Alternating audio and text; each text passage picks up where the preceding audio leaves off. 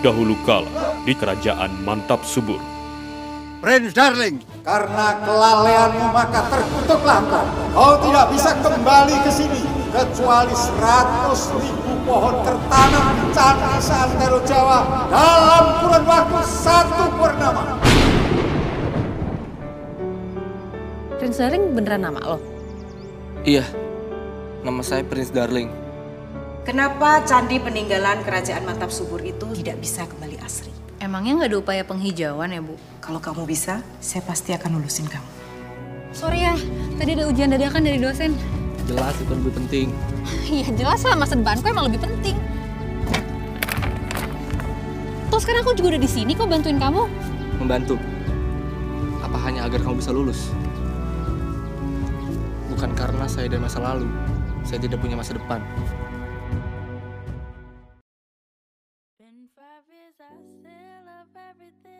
Selamat sore semuanya. Senang banget gue Abex dan gue balik lagi nemenin kalian semua di Darling From Home. Kali ini kita bakalan ngobrol-ngobrol seru dan gue bakalan nemenin kalian semua ngabuburit sore ini barengan sama orang-orang keren nih. Kalau uh, sebulan lalu kita ngobrolin tentang siap sadar lingkungan dari rumah aja dan kali ini tema ngabuburit sore gue itu tentang Ayo, ada yang bisa tebak? Kita bakalan ngobrolin apa? Dari bintang tamunya yang di flyer sudah ada loh. Iya, betul sekali penonton yang terhormat dan tersayang. Kita bakalan ngobrolin Prince Darling The Series. Ada yang udah nonton atau ada yang belum nonton? Kalau belum nonton, setelah acara ini kalian cepet-cepet harus nonton karena udah kita udah tayang dari beberapa waktu yang lalu dan udah ada beberapa episode juga sudah selesai tapi punya cerita yang keren banget.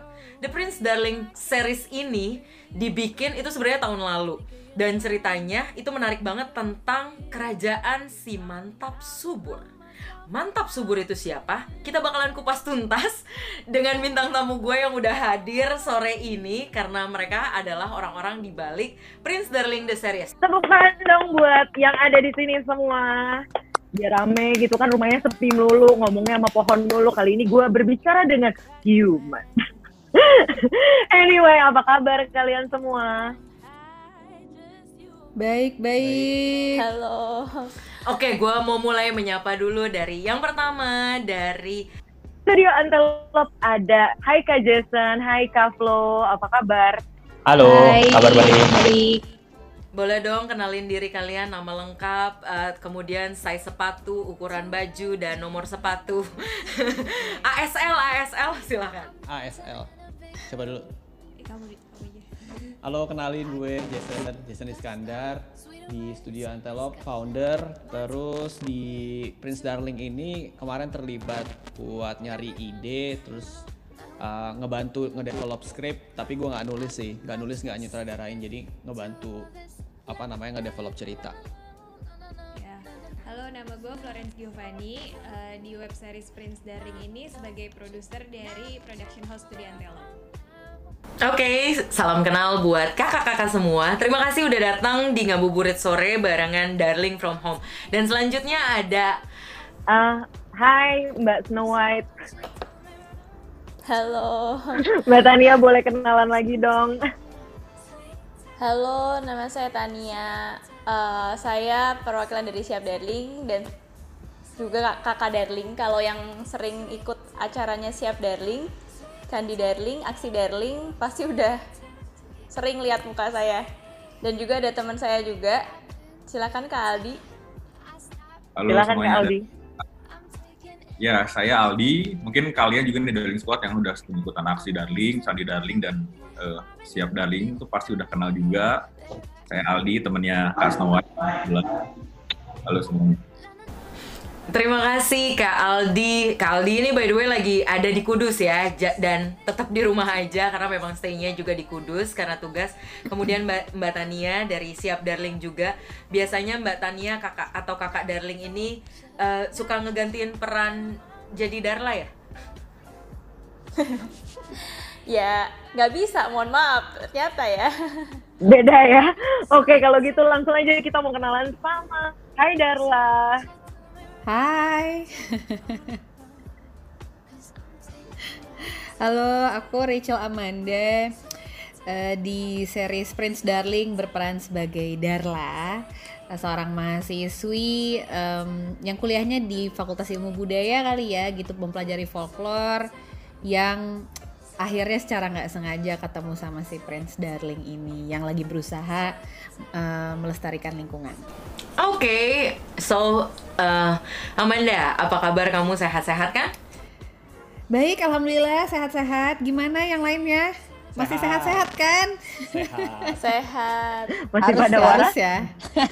Masih. Masih dong.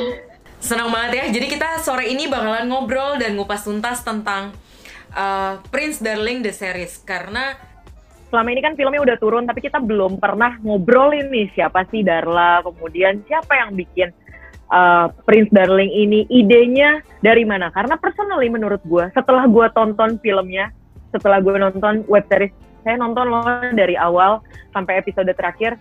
Yang pertama ada di otak gue adalah ini ajaib dan kreatif karena belum ada satu web series yang ngebahas tentang lingkungan. Buat gue belum ada, apalagi mengaitkan candi masa lampau, mas kemudian balik ke masa depan, kemudian diceritakan dan ceritanya simple banget dan dapat dicerna oleh kaum milenial. Dan kali ini gue bakalan kupas tuntas barengan. Oh ini beda acara ya, maaf ya, mohon maaf ya beda acara ya, bukan kupas tuntas bersama setajam belati. Oke, kita bakalan ngobrol seru nih. Yang pertama gue mau banget tanya nih tentang uh, Prince Darling the series. Ini siapa yang punya ide ini? Bikinnya kenapa Prince Darling? Kenapa kenapa harus bawa-bawa Prince gitu? Emang siapa sih Prince kalian itu? Terus kenapa mengaitkannya sama cerita zaman dulu? Padahal anak-anak milenial jujur uh, memang udah paling males ah ngobrolin budaya tuh males banget ah begini tuh males banget ah ceritanya kuno tapi ternyata amazingly viewsnya itu banyak banget bahkan sampai berapa koma m gitu ya benar ya mbak Tania ya Iya. Jadi awalnya tuh eh, kita kerjasama kan ngobrol sama Antelop. Eh, awalnya tuh dari aksi Darling yaitu Candi Darling. Eh kita mau ada penanaman nih di candi-candi. Eh, kita kira bikin apa ya supaya eh, si penanamannya ini aksi Darlingnya ini bisa jadi eh, suatu cerita yang bagus gitu. Jadi dikemas secara komunikasinya bagus gitu.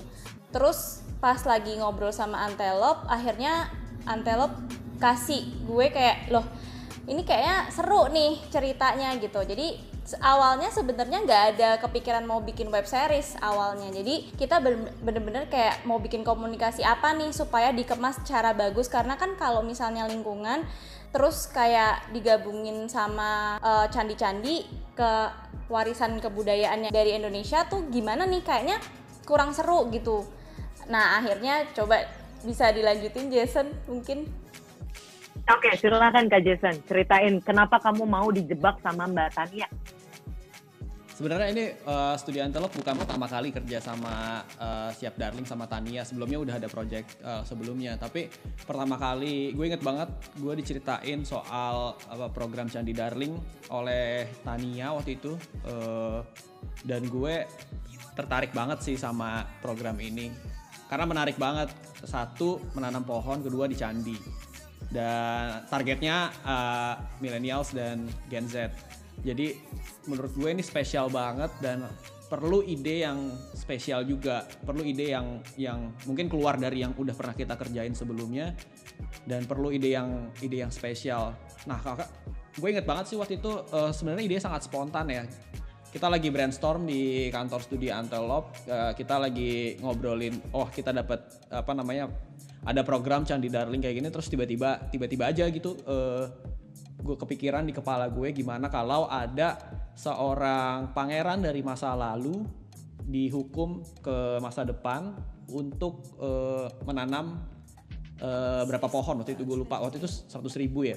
Jadi ya eh, kepikiran aja tuh kayak kayak kayak premis kayak begitu. Habis itu eh, dikembangin lah bareng-bareng akhirnya jadi jadi Prince Darling. Padahal sebenarnya eh, kenapa kita ini juga suka juga sama ceritanya karena karena karena fantasy ya belum di Indonesia tuh uh, banyak bang belum banyak yang mengeksplor uh, genre fantasy baik itu di film panjang, film pendek maupun web series uh, itu jarang sekali yang yang mengeksplor genre fantasy. Padahal sebenarnya kalau kalau kita lihat banyak yang suka sama drakor-drakor Korea yang fantasy itu banyak banget kayak ya ya you name it lah banyak banget Korea yang membahas fantasy dan suka.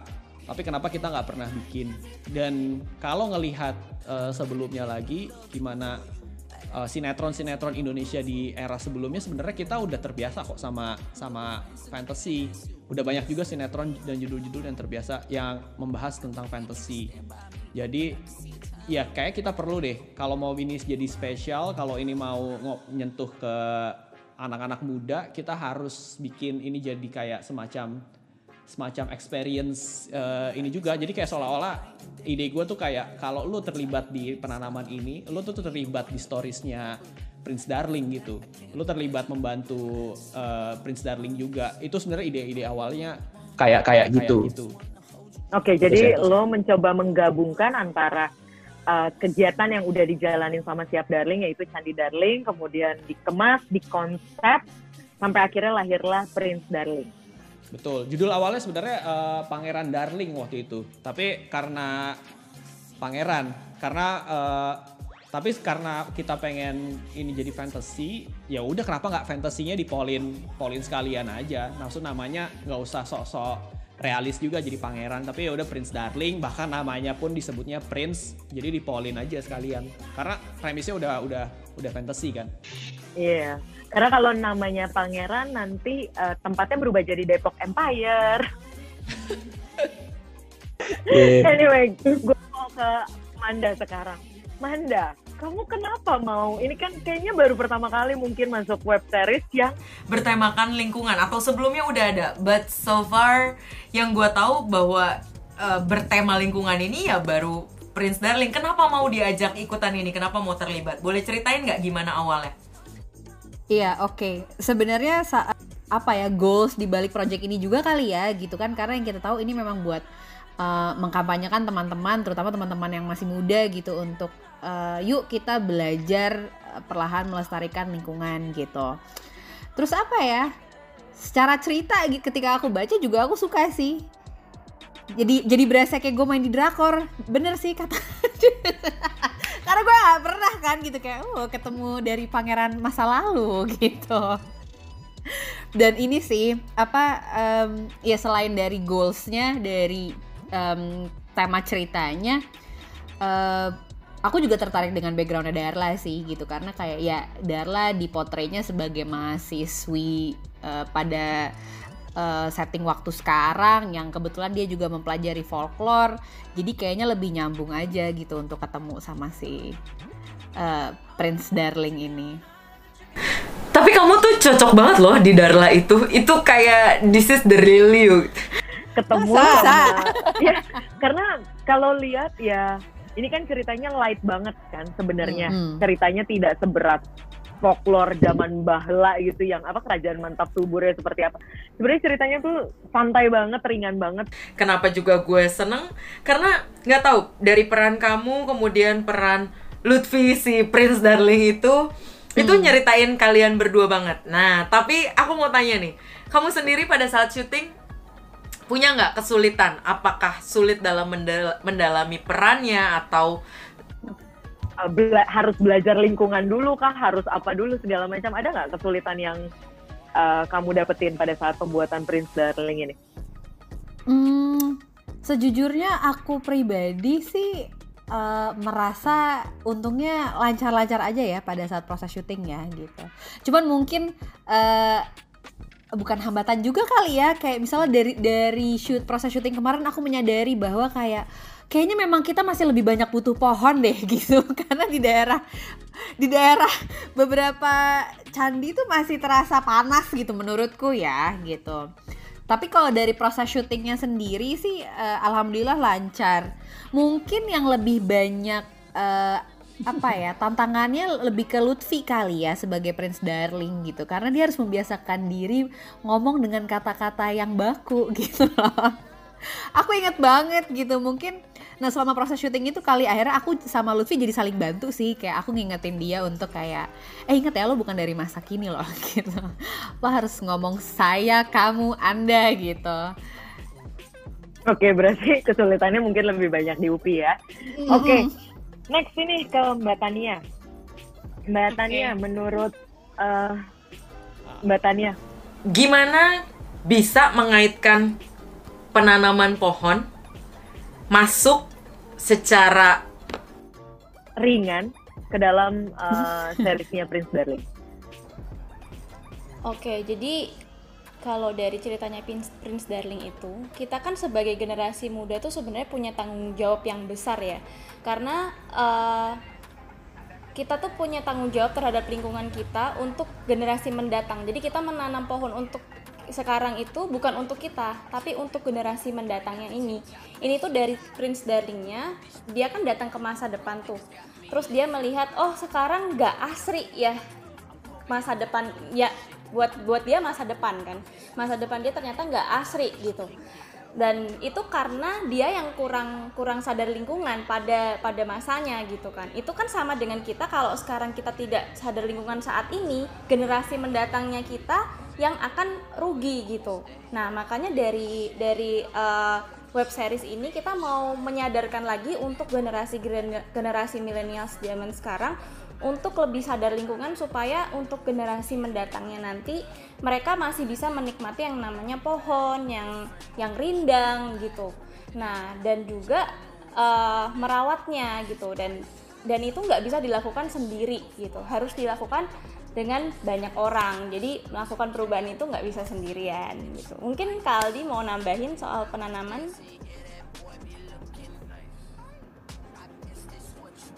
Mungkin sebelum adanya Pris dari The Series ini kan kita ada program dulu ya, yang katanya ya. Kita ada program namanya Candi Darling. Yeah. Jadi kan Candi Darling ini mungkin yang kalian tahu juga merupakan bagian salah satu aksi Darling dari Siap Darling di mana kita melakukan penanaman pohon um, secara bersama-sama dengan Darling Squad serentak di antero candi di Pulau Jawa bahkan se Indonesia ya katanya ya.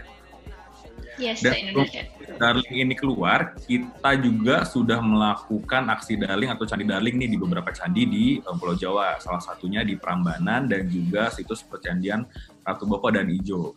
Berarti, oke, okay, berarti programnya sudah jalan dulu baru dikeluarkanlah series ini. Jadi Februari ya rilis. Terus kita itu Candi Daring pertama kali di Prambanan ya waktu itu ya 2018 ya Oke, okay, nah sebelumnya gue bakalan balik lagi nih ke teman-teman dari Studio Antelope. Kak Jason, Kak Flo. Yep. Ini gue balik mau nanya tentang ceritanya sendiri. Hmm. Cerita tentang si Prince Darling itu. Kenapa sih, ini tentang kerajaannya. Kenapa sih ceritanya itu si Prince Darling itu dikirim ke masa depan? Tapi sebelum lo ngejelasin nih, mungkin kita bisa uh, kasih dulu nih cuplikan supaya teman-teman bisa mengingat lagi nih tentang ya. kejadiannya seperti apa sih, gimana saat Prince Darling dikirim ke masa depan dan kenapa. Mungkin kita bisa lihat cuplikannya?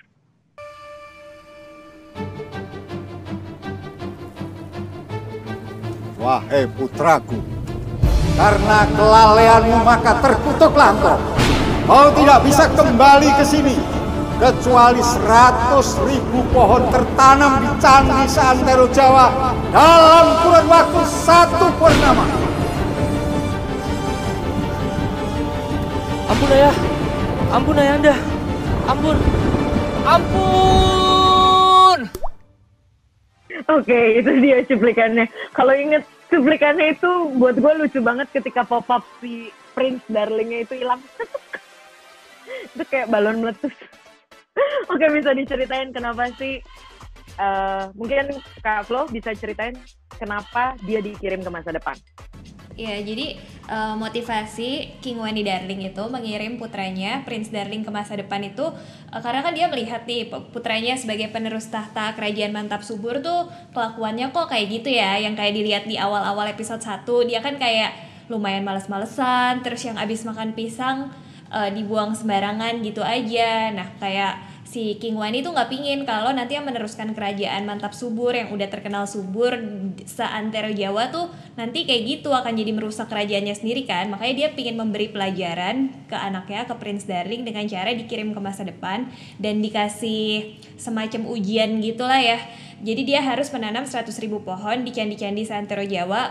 Baru kalau misi itu udah berhasil dia bisa kembali ke kerajaannya di masa lalu Berarti sebenarnya ceritanya itu relate banget dengan kehidupan nyata. Apa yang kita tebar, itulah yang kita tanam. Eh, itulah yang kita tuai, betul nggak? Iya, Jadi kalau betul. kita sekarang nyampah terus nih, wajar nanti banjir, nanti bakalan kalau kita nebang pohon terus bakalan eh, apa? gersang, panas, segala macam. Makanya dibikin cerita seperti itu dari tiap Darling. Iya. Dan nah, tapi ini kan Kejadiannya kan bagaimana menggabungkan antara cerita masa lalu terus ke masa depan, balik ke masa lalu ke masa depan. Ada nggak kesulitan sendiri dari teman-teman Antelope saat membuat uh, web series ini? Iya sebenarnya karena ini cerita fantasy itu kan sebenarnya cerita eh, fantasy itu bukan cerita yang emang realis gitu kan kalau di kehidupan. Jadi kita harus bikin kayak dua universe yang berbeda antara universe kerajaan mantap subur yang di masa lalu dan juga universe kehidupannya Darla yang di masa sekarang. Seperti dunia kita sekarang gitu kalau kehidupannya Darla. Nah kalau buat mengcreate karena ada dua universe yang berbeda itu kita itu kan sebenarnya nggak realis tapi kita harus menceritakan sedemikian rupa ceritanya supaya penonton yang nonton tuh akan merasa itu tuh logis-logis aja dan masih masuk akal untuk kayak eh, di logika mereka kayak gitu sih. Mungkin itu tantangannya. Nah itu harus di create kayak dari makanya emang dibikin kayak dua universe-nya berbeda itu kayak dari pakaiannya terus kayak Eh, jadi banyak hal sih yang kita bikin supaya dua universe-nya itu bisa jelas terlihat berbeda. Kayak dari misalnya pakaiannya atau setnya atau kalau misalnya diperhatiin bahkan kayak sedetail di color grading itu kita bedain tuh yang di masa lalu dan masa sekarang.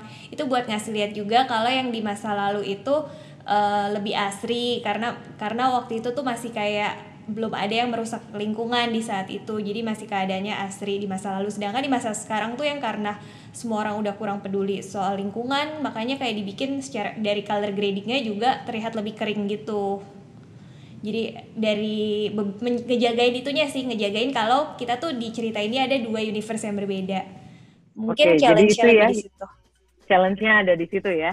ya Tadi kan ngomong tentang dua unit dua universe yang berbeda yaitu masa lampau dan masa sekarang. Masa sekarang kita berbicara tentang Darla. Nah, balik ke Amanda. Amanda boleh ceritain Darla itu siapa, tapi sebelumnya biar mengingat lagi nih dan ini jadi teaser buat audiens, buat teman-teman siap eh, buat teman-teman Darling, buat Darling Squad yang lagi di rumah biar mengenang lagi tentang web series ini. Kita mungkin bisa simak cuplikan. Siapa sih Darla itu? Pengen kenal dan pengen tahu siapa Darla? Silahkan lihat cuplikan berikut ini. Untung cuma memar dikit. Coba kalau luka apa otak, udah gak ngebantu nih.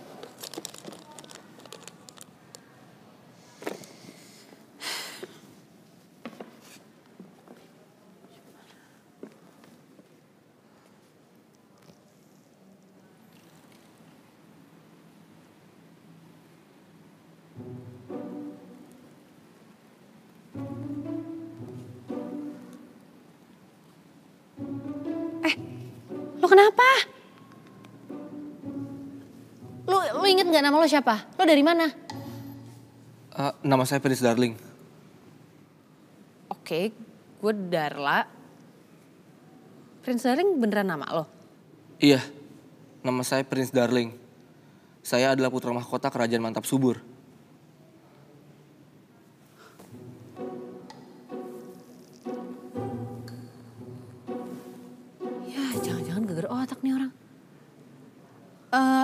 Yaudah, pokoknya lo klaim asuransi di tempat kerja lo aja ya. Kerja? Saya calon raja. Ini, ini saya. Beneran Prince Darling. Iya, ini saya. Oh, udah punah dong. Lah iya. Nih. Mana ya? Nih. Prince Darling, penyebab punahnya kerajaan mantap subur akibat perilaku sembrono dan tidak peduli lingkungan. Kalau begitu, kamu harus membantu saya untuk menanam 100 ribu pohon sebelum purnama bersinar.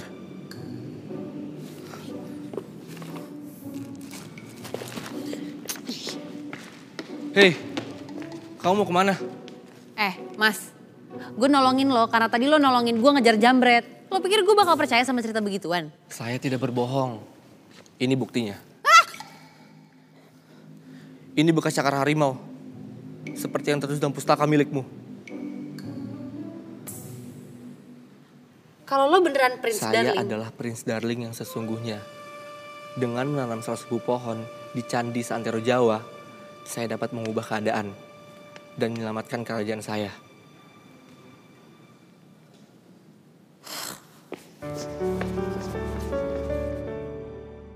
There you go, kangen-kangenan. Heh, lu siapa?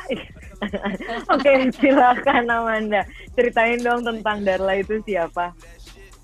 Iya, eh, Darla tadi udah sempat aku singgung juga. Eh, dia tuh seorang mahasiswi eh, yang mempelajari folklore. Kayaknya kuliahnya di ilmu budaya dan kebetulan dia juga anak teater. Jadi UKM-nya teater yang em, ceritanya juga bersinggungan dengan cerita kerajaan pada masa lalu gitu. Nah, ini itu salah satu adegan yang aku suka juga sih dari Prince Darling web series ini karena kayak eh, per- pertemuan eh, pertama lah gitu antara Darla dan si Darling ya. Kayaknya aneh gitu ya kan kok mesra banget manggilnya Darling padahal kan sadar lingkungan. itu tuh nah itu tuh eh, apa ya? Dan di situ dia yang awalnya nggak percaya gitu bahwa ada seorang pangeran ini yang datang dari masa lalu untuk eh, menyelamatkan kerajaannya eh, buminya gitu. Sampai akhirnya di satu titik, sampai di satu titik dia sadar bahwa oh ternyata omongan-omongan si Prince Darling ini lama-lama eh, bener nih gitu sesuai dengan apa yang gue lihat gitu. Dari situlah akhirnya eh, dia berusaha untuk membantu si Prince Darling dan juga dibantu sama teman-temannya juga gitu. Walaupun dia sempat disinisin gitu deh sama dosennya. Karena kerjaannya main teater mulu gitu. Jarang masuk kelas.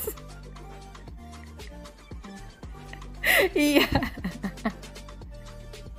Kalau dari lihat dari ceritanya, tadi kamu udah bilang bahwa ceritanya itu sebenarnya menarik, udah fantasi balik ke folklore, kemudian ada unsur lingkungannya. Nah, kalau menurut Amanda sendiri nih, pandangan Amanda uh, mengenai lingkungan yang jadi pesan utama dalam web series ini, uh, Prince Darling the series ini itu apa?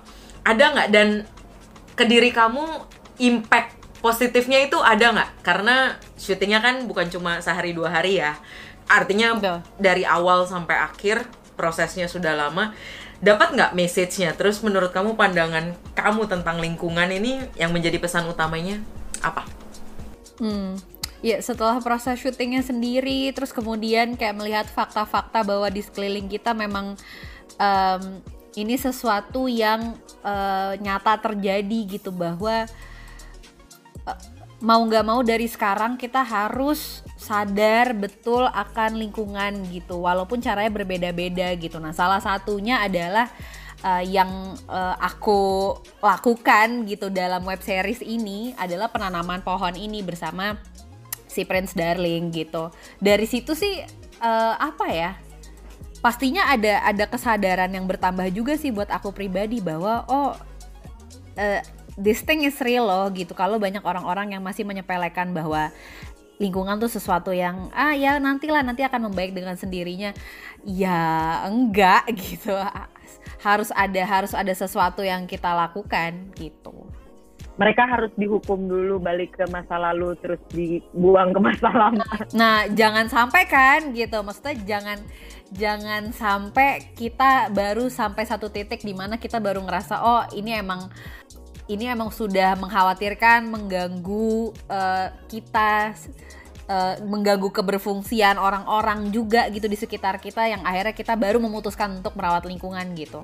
Memang sih bukan sesuatu hal yang gampang ya, apalagi dampaknya belum langsung kita rasakan sekarang gitu. Tapi ya menurutku ya salah satu fungsi karya adalah ya ini gitu untuk bangun awareness gitu bahwa ya di Prince Darling eh, ini contohnya ada si pangeran yang berusaha sekali eh, menyelamatkan kerajaannya, lingkungannya dengan sampai datang ke masa depan gitu yang yang situasinya udah beda banget gitu. Jangan sampai kita harus ngelakuin merasakan hal yang sama nyeselnya tuh di kemudian hari gitu Artinya message-nya dapat banget ya, karena hmm. tadi aja kamu singgung bahwa pas syuting aja ketika di sekitaran candi itu kering, kerontang, gersang, nggak ada pohon itu berasa banget kan, apalagi Betul. sekarang. Tapi ini kan lagi banyak yang nanam-nanam nih di rumah. Nah ini pakarnya nih. Sekarang gue mau balik nih ke Mas Aldi. Mas Aldi, uh, tadi kan udah disinggung tentang uh, Candi Darling. Sebenarnya kan ini rangkaian proses sampai akhirnya ada web seriesnya, uh, kaitannya dengan film dengan Candi Darlingnya makanya lokasi syutingnya pun di di Candi. Boleh nggak ceritain dong sedikit tentang Candi Darling nih? Ini kan program yang kita udah jalanin. Kita! Maksudnya yang kalian udah jalanin itu selama udah setahun lebih ya? Kurang lebih satu tahun. Ya boleh dong diceritain tentang Candi Darling biar teman-teman yang belum ikutan Candi Darling bisa ngerasain juga nih. Silakan Mas Aldi Nah, boleh nih. Tadi Candi Darling itu, jadi mau saya jelasin lagi, itu merupakan bagian atau aksi Darling ya dari siap Darling gimana kita ngajak Darling Squad untuk sama-sama melakukan penanaman pohon maupun tanaman semak berbunga di area Candi Santero Indonesia.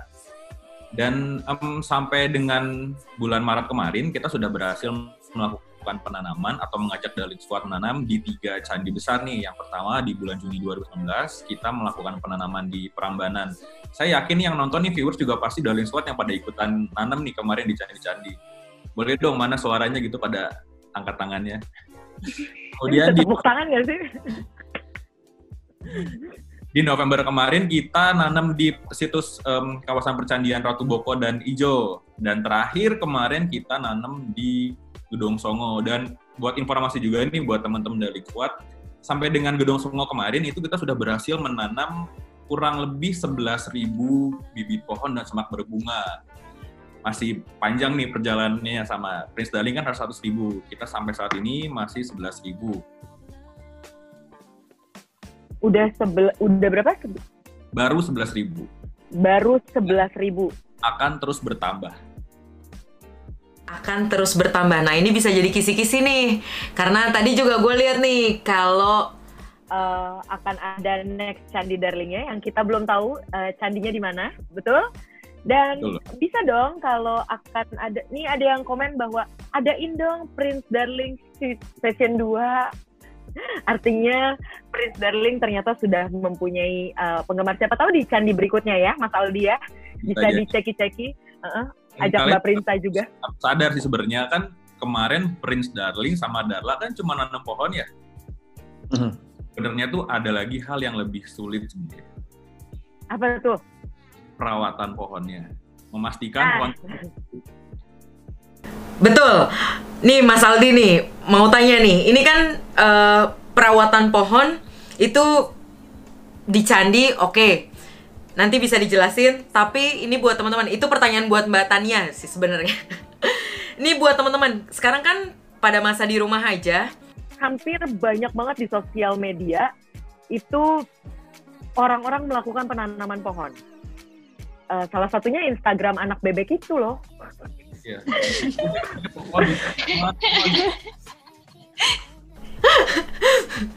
self branding, oke? Okay?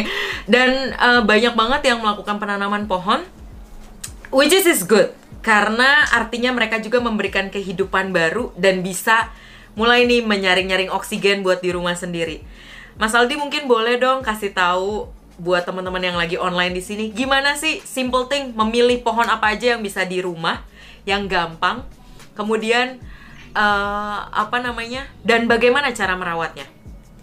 Ya, pertama sih aku seneng banget ya eh, teman-teman ini selama di rumah aja tuh ada yang lebihnya banyak nambah nih jadi masak dan salah satunya adalah nanam pohon.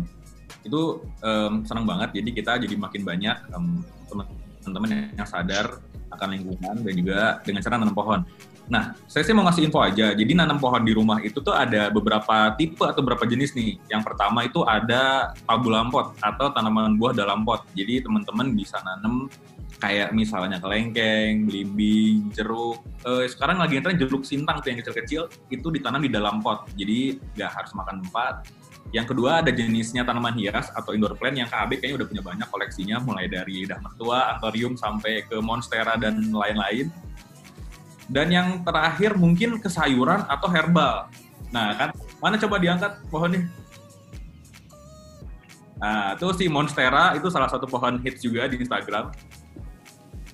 Jadi selain tabu lampau, tanaman hias juga ini mungkin banyak juga yang nanam pohon sayuran atau herbal nih kabek nih. Jadi kayak um, cabai, tomat, daun bawang atau bahkan kayak jahe, kencur dan lain sebagainya. Karena sekarang kayaknya lagi banyak banget pada ngeramu jamu ya. Iya, bisa jualan juga.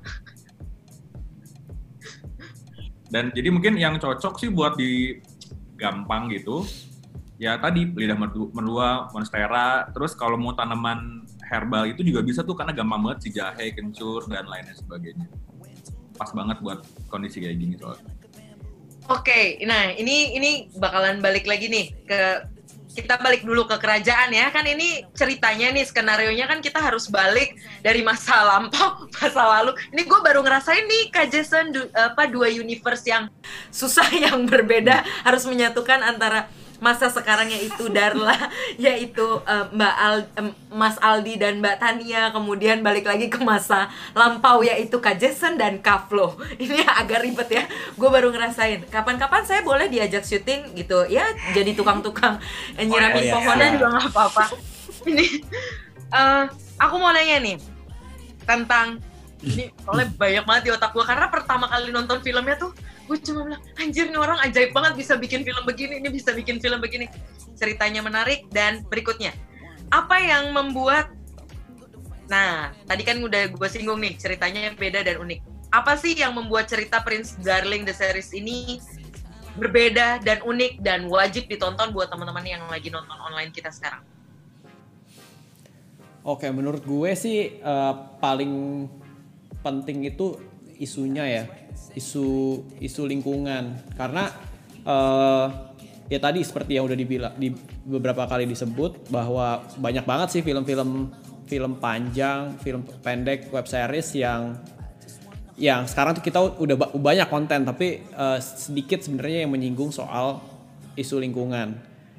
Uh, isu lingkungan lebih lebih sering dijadikan apa ya? Uh, isu lingkungan sering kali di, diceritakan tuh seolah-olah jauh dari kita uh, dan pendekatan-pendekatannya tuh kadang tidak tidak tidak familiar dengan anak-anak muda gitu loh. Jadi uh, mungkin itu sih tantangan tantangan uh, pas ngobrol sama Tania pertama kali uh, dengerin konsep Candi Darling itu seperti apa. Jadi gue itu gue langsung di detik itu juga gue menantang diri gue kayak oh gue harus bikin uh, ini sebuah konsep yang apa namanya yang membahas tentang lingkungan tapi tetap bisa diceritakan dengan dengan cara yang sepopuler mungkin tapi pesannya itu tetap nyampe. Jadi menurut gue uh, kalau ditanya apa yang membuat Prince Darling unik itu tadi sih apa kumpulan dari serangkaian dari uh, ya cerita fantasy yang populer yang pendekatannya tetap bisa dinikmati oleh anak muda tapi tetap menyinggung isu-isu uh, penting seperti isu-isu lingkungan. Gitu sih. Kalau menurut Kavlo um, kurang lebih sama sih yang kayak Jason bilang. Yang bikin unik pasti isunya soal lingkungan. Tapi kita isu lingkungan mungkin mau nambahin sedikit isu lingkungannya yang kita kemas sedemikian mungkin kita nggak mau yang yang ada unsur menggurui soal lingkungan atau apa itu kayak dihindarin banget sih. Makanya kayak kita isu lingkungan ini kita masukin ke hal yang deket banget sama kehidupan teman-teman darling juga kayak tentang kehidupan mahasiswa kayak gitu biar akan akhirnya pun penontonnya akan merasa oh iya uh, mereka pun cukup relate sama eh, hal-hal uh, yang terjadi di kehidupannya Darla dan Prince Darling ini. Kalau menurut pandangan Amanda, gimana? Apa yang bikin cerita ini beda dan unik dari personal kamu sendiri? Itu sih uh, sama tadi udah disinggung juga sama Kavlo bahwa uh, penting juga bikin sesuatu yang nggak pretentious untuk menggurui atau ngajarin uh, teman-teman yang nonton gitu.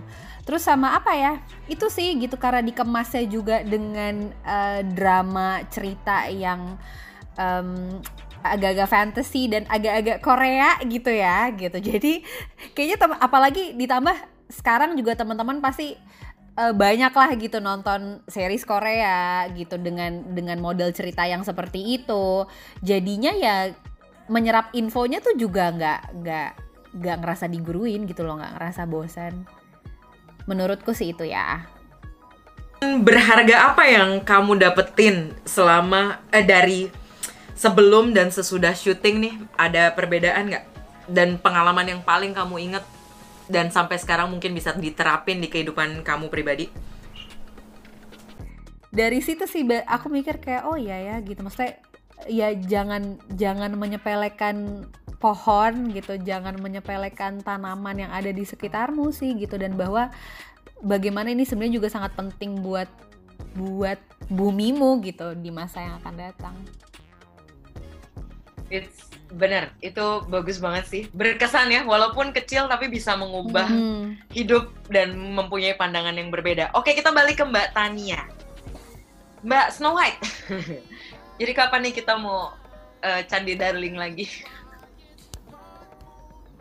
mau nggak ngajak Amanda ikutan Candi Darling? Oke, okay. Mbak Tania, nih kapan nih kira-kira mau Candi Darling lagi? Ini banyak yang minta katanya next Candi Darling, Amanda disuruh ikut. Pasti dong, kita pasti bakal ajakin Amanda untuk uh, ke Candi Darling berikutnya. Cuman memang karena uh, kita masih nunggu lagi ya. Kalau misalnya pandemi udah selesai, kita bisa kira-kira uh, melaksanakan Candi Darling berikutnya, kita pasti bakal ajakin Amanda. Nah, Amanda pasti mau dong ya. Yeay! Mau boleh-boleh. Akhirnya beneran nanam. Kalau kemarin kan syuting aja, kalau ini beneran iya. nanam gitu. Jadi bisa tahu menariknya Candi Darling yang sebenarnya. Hmm. Oke, okay. ini ini bener loh. Ini dari tadi gue bacain di komen YouTube bahwa banyak banget yang nanya uh, kapan ada series uh, Prince Darling the series yang kedua, kemudian Candi Darling kapan dan Darla mau ikut nggak ke acara Candi Darling? Tapi sebelum kita bahas pertanyaan mereka, gue mau tanya nih Mbak Tania. Ya. Uh, bisa diceritain nggak pohon-pohon apa aja yang kita yang sudah ditanam oleh teman-teman siap Darling, Darling Squad, dan ada nggak filosofi yang unik yang bisa diceritain tentang pohon tersebut? Oke, uh, ini mungkin nanti bakal ditambahin juga sama uh, Kaldi ya. Sebelumnya jadi ya, sebelumnya jadi pas uh, menanam di candi-candi ini kita kerjasama dengan BPCB. Uh, kita tanya kan, uh, Pak sebaiknya menanam pohon apa? Dan ternyata dari mereka itu sebenarnya sudah ada list beberapa tanaman pepohonan yang memang uh, ada filosofi dengan candi-candinya itu sendiri. Di antaranya tuh ada pohon kepel, nagasari, itu beberapa pohon yang uh, udah jarang ya langka di Indonesia. Mungkin Kaldi mau nambahin soal filosofi pohon? Ya, jadi nah. belum kita melakukan penanaman, kita melakukan kayak semacam research dulu nih dan e, dengan pengelola juga pohon apa yang cocok ditanam di area candi ada dua kategori yang kita temukan. Itu pertama yang tadi Tania katanya bilang itu yang memiliki nilai filosofi dan juga yang memiliki nilai estetika dan juga konservasi. Nah, untuk yang estetika dan konservasi ini tuh jadi kita pengen atau mereka juga pengelola pengen candi-candi itu ditanami pohon-pohon yang berbunga. Jadi lebih menarik gitu loh untuk um, wisatawan. Kayak contohnya flamboyan, dan kembang merak, tabibuya. Itu yang kemarin uh, Amanda sama Lutfi tanam waktu di film itu uh, bunga merak tuh yang ditanam. Jadi pohon berbunga yang cantik. Yang satu lagi itu adalah kategori pohon yang memiliki nilai filosofi. Yang tadi katanya bilang juga betul tuh ada pohon bodi. Nah pohon bodi ini tuh erat banget sama um, Siddhartha Gautama karena jadi pohon tempat dia bersemedi untuk mendapatkan pencerahan. Terus kita juga nanam kepel. Jadi kepel itu banyak banget di Jogja, sekitaran Jogja dan katanya itu tuh buah yang digemari sama putri kerat putri keraton karena bikin keringat mereka tuh wangi aromanya. Jadi kita nanam couple terus ada Tanjung dan Sawah Kecik dan lain sebagainya. Dari pohon itu aja ada beberapa pohon yang aku masih belum tahu loh Mas Aldi. Kepel itu yang kayak gimana ya? Couple Dia temennya anggur yang dimakan dulu Adam dan Hawa? Enggak, jadi couple itu tanaman yang kalau berbuah, buahnya itu tumbuh di di batang pohonnya. Ah, oke oke. Dari Warnanya tanah, batang pohonnya itu dia tumbuh di situ. warna buahnya apa Mas? Kayak sawo. Coklat. Oh oke, aku tahu coklat. Ah, nah tadi kan udah dijelasin nih sama Mas Aldi. Sebelum kita balik, kita mau closing nanti. Tapi gue mau balik lagi nih ke eh ke teman-teman dari Antelope Studio. Ini bagaimana cara idenya itu ini sesuai sih sebenarnya dengan tagnya siap darling bahwa bikin perubahan itu nggak bisa sendirian. Mungkin itulah message uh, dari uh, apa namanya web series Prince Darling ini. Itu idenya gimana? Bisa menggabungkan? Karena kan kalau di filmnya di filmnya itu kan kelihatan banget Darla itu ribut sama dosennya kan? Dia musuhan banget sama dosennya dikerjain terus kan sama dosennya kan? Bener kan? Iya, ya benar. bener kan? Nah itu bisa nggak? Kenapa sih bikin ceritanya sampai bisa ngumpulin masa message-nya itu sendiri apa? Tapi sebelum dijawab gue mau minta dong cuplikan bagaimana bikin perubahan itu nggak bisa sendirian silahkan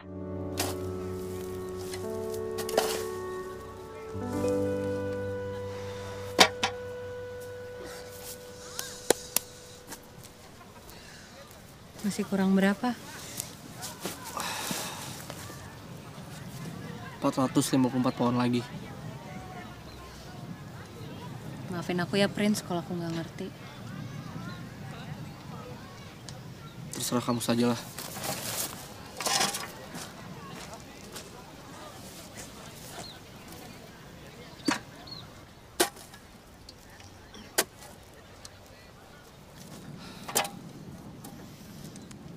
Kamu jadi membantu tidak?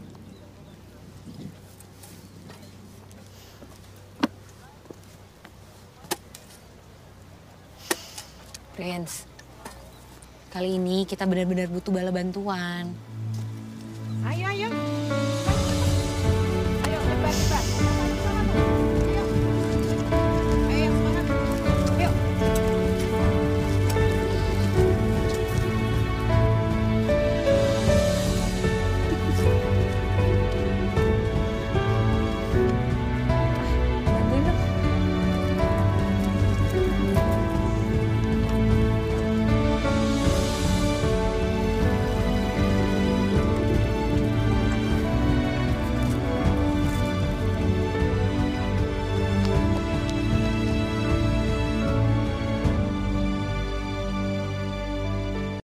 Oke, silakan. Ini pertanyaannya buat Kak Jason dan uh, Mbak Tania. Gimana bisa menggabungkan, kok itu bisa klop sama tagnya Siap Darling bahwa bikin perubahan itu nggak bisa sendirian. Sampai akhirnya Darla dapat bantuan dari banyak orang termasuk dosennya. Silakan, mulai dari Kak Jason. Ya kalau gue sih memang karena emang pas denger dari Tania, message dari awalnya tuh udah jelas banget bahwa bikin perubahan gak bisa sendirian. Gue udah denger juga secara langsung uh, apa aja yang udah dilakukan oleh Siap Darling, uh, nextnya apa, dan ya dan ya gue bisa simpulkan bahwa ternyata tagline itu bukan cuma jargon tapi beneran memang dikerjakan oleh Siap Darling. Jadi uh, benang merah itu memang yang coba gue jagain di di sepanjang series ini. Dan untungnya sebenarnya yang gue syukuri adalah uh, ketika proses pengembangan pengembangan ide cerita ini uh, teman-teman dari Siap Darling juga terbuka untuk apa? Untuk mendengarkan masukan karena karena begini loh, karena uh, menurut gue ini kan formatnya uh, komunikasinya storytelling ya, berupa cerita gitu. Dan kalau ngomongin cerita berarti ada ada pasti akan ada perubahan karakter di di awal cerita sampai di tengah bahkan di akhir cerita itu akan pasti ada perubahan karakter gitu. Dan jujur aja nggak semua orang eh, semua rekanan yang diajak kerjasama itu paham dengan hal itu. Jadi eh, menurut gue eh, kalau pertanyaan kayak gitu ya sebenarnya kayak ketika orang menonton Prince Darling sebagai karakter dia bisa lihat sendiri bahwa memang awalnya itu adalah ini ber berjalan sebagai hukuman. Hukuman dari yang ganjaran dari yang dia lakukan yaitu dia tidak peduli lingkungan dia diutus dikirim ke masa depan sebagai hukuman. Tapi dengan ketemu dia bertemu dengan Darla dia melihat sendiri bahwa dia merasakan sendiri bahwa di masa depan yang dia kunjungi itu uh, situasi udaranya berbeda dengan yang dia dengan pada masanya gitu. Dia menjadi sadar bahwa ini tuh bukan cuma hukuman ini lebih dari sekedar uh, hukuman untuknya. Dia memahami satu poin lagi di di di hidupnya gitu. Jadi ceritanya sebagai karakter si Prince Darling uh, menyadari itu. Dan dia terus berkembang sampai akhirnya dicerita bahwa dia sadar bahwa tadinya memang sebenarnya dia sendiri. Dia dia sendirian. Dia diutus eh dia dikirim untuk me, menyelesaikan hukumannya. Tapi ternyata dia bertemu dengan Darla bertemu dengan orang-orang orang lain. Dan dia menyadari bahwa sebenarnya ini memang dia nggak bisa sendiri. Dan ini tuh lebih dari sekedar hukuman. Kalau gue dari perspektif cerita kayak gitu sih. Mungkin kalau Tania dari perspektif Siap Darling bisa nambahin Oke, kalau dari Siap Darling sendiri, tadinya kan dari konsep uh, penanaman di candi-candi yang berakhir dengan Candi Darling ini, tadinya tuh uh, eh, gue mikir kayak waduh ngajakin anak-anak zaman sekarang ke candi yang panas buat nanem pula. Udah nanem nanem kayak aduh males banget gak sih nanem terus panas terus ke candi apa seksinya? Gitu. Apa ya nih kira-kira idenya? Nah setelah dilempar ke uh, teman-teman antelop ternyata mereka punya uh, cerita yang bisa dikemas sedemikian rupa yaitu jadi web series si Prince Darling ini untuk mengangkat warisan sejarah Indonesia dan juga dikemas secara menarik untuk menarik generasi milenial zaman sekarang supaya lebih peduli lagi terhadap lingkungannya. Bahkan orang-orang yang mungkin awalnya kayak lingkungan kayak jauh deh dari gue, tapi mereka bisa kayak oh ya ya, ini kayaknya memang tugas gue untuk merawat lingkungan gue sebaik mungkin untuk generasi yang akan datang. Gitu sih mungkin tambahannya. Mungkin kalau dia ada tambahan?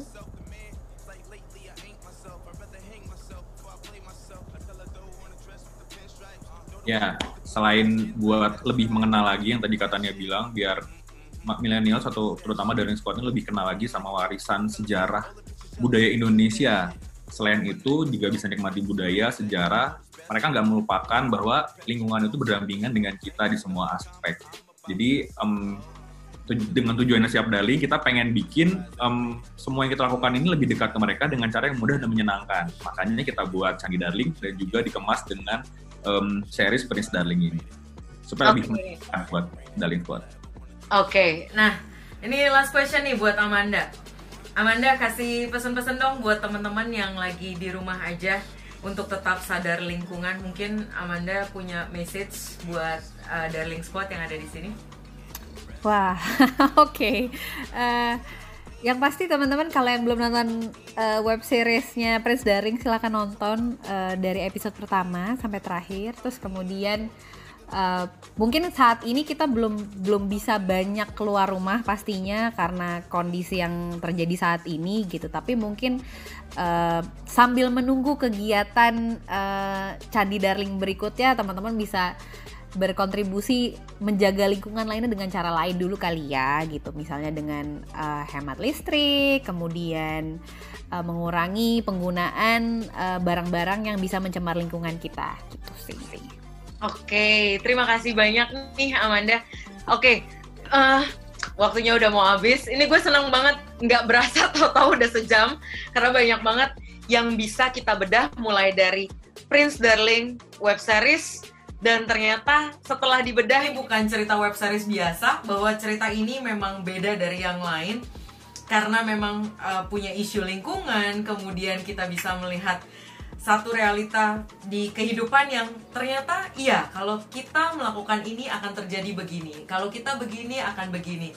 Message-nya dapat banget kemudian senang banget teman-teman dari studio Antelope ini sudah bercerita gimana proses syutingnya kemudian sampai mulai ide kreatifnya. Jujur I really apa ya amazed with you both. Yang pertama karena gue jarang banget mau nonton YouTube tapi kemarin bela-belain nonton karena ceritanya menarik banget. This is personal personal Thank you. dari gua itu ceritanya Makasih. Kemudian uh, buat Mbak Tania sama Mas Aldi, terima kasih Bu udah menginfluence orang mulai dari tanam pohon bisa masuk message ke uh, web series itu satu hal yang gue pikir jarang banget selain biasa kita cuma nonton FTV ya sama sinetron gitu yang ada burung elang atau segala macam. Dan ini ternyata folklore fantasi bisa jadi satu uh, hal yang baik yang yang bisa menginfluence orang untuk sadar lingkungan. Dan makasih juga nih buat Amanda. Senang banget personally bisa ngobrol sama kamu. Dan mudah-mudahan ketemu uh, di Sandi Darling. Pengen banget ketemu biar bisa ngobrol aku pun percaya bahwa ini komen-komen teman-teman Darling Squad ini semua pada bilang ajak uh, Darla Darla harus ikutan Candi Darling dan ya Mbak uh, Tania tolong diperhitungkan ya. Boleh boleh. Ditunggu juga Prince Darling episode 2-nya. Didoain aja ya. Season season 2. Season, season 2-nya. Season 2-nya. Iya. Iya. Didoain aja ya. Didoain aja ya. Uh, kita nggak akan bikin kayak season-season sampai season 6, 7, 8 jadi sinetron kan? Oh enggak itu. Oh, enggak itu. It depends. Oke, okay. anyway, terima kasih banyak buat teman-teman semua. Terima kasih untuk uh, Darling Squad, teman-teman di seluruh Indonesia yang udah nonton. Terima kasih untuk seluruh narasumber gue yang hebat-hebat. Terima kasih udah sharing. Terima kasih Kak Jason, Kak Jason Kavlo dari Studio Antelope. Terima kasih. Sama-sama. Thank you. Terima kasih Mbak Tani. Sama-sama thank you juga. Thank you semuanya. Tetap di rumah, tetap jaga lingkungan dan pokoknya tetap bertahan, tetap waras. Dan jangan lupa nih buat teman-teman yang udah nonton hari ini, silahkan uh, nonton YouTube-nya Siap Darling. Di situ ada uh, web series Prince Darling the series. Kalau mau tahu cerita serunya, bukan cuma yang tadi kita udah kupas tuntas. Dan jangan lupa follow juga Instagramnya Siap Darling karena setiap harinya selalu ada informasi-informasi yang tentunya menarik bukan cuman tentang lingkungan-lingkungan tapi banyak banget insight yang lo nggak pernah dapetin. Ada games kemudian ada tentang storytelling segala macam semuanya kalian bisa nikmatin di Instagramnya Siap Darling. Oke, untuk semua seluruh Indonesia di mana pun kalian berada tetap sehat dan semoga selalu dalam kebaikan. Sampai ketemu lagi sama gue Abex dan tetap semangat. Dadah. Bye. Thank you. Thank you.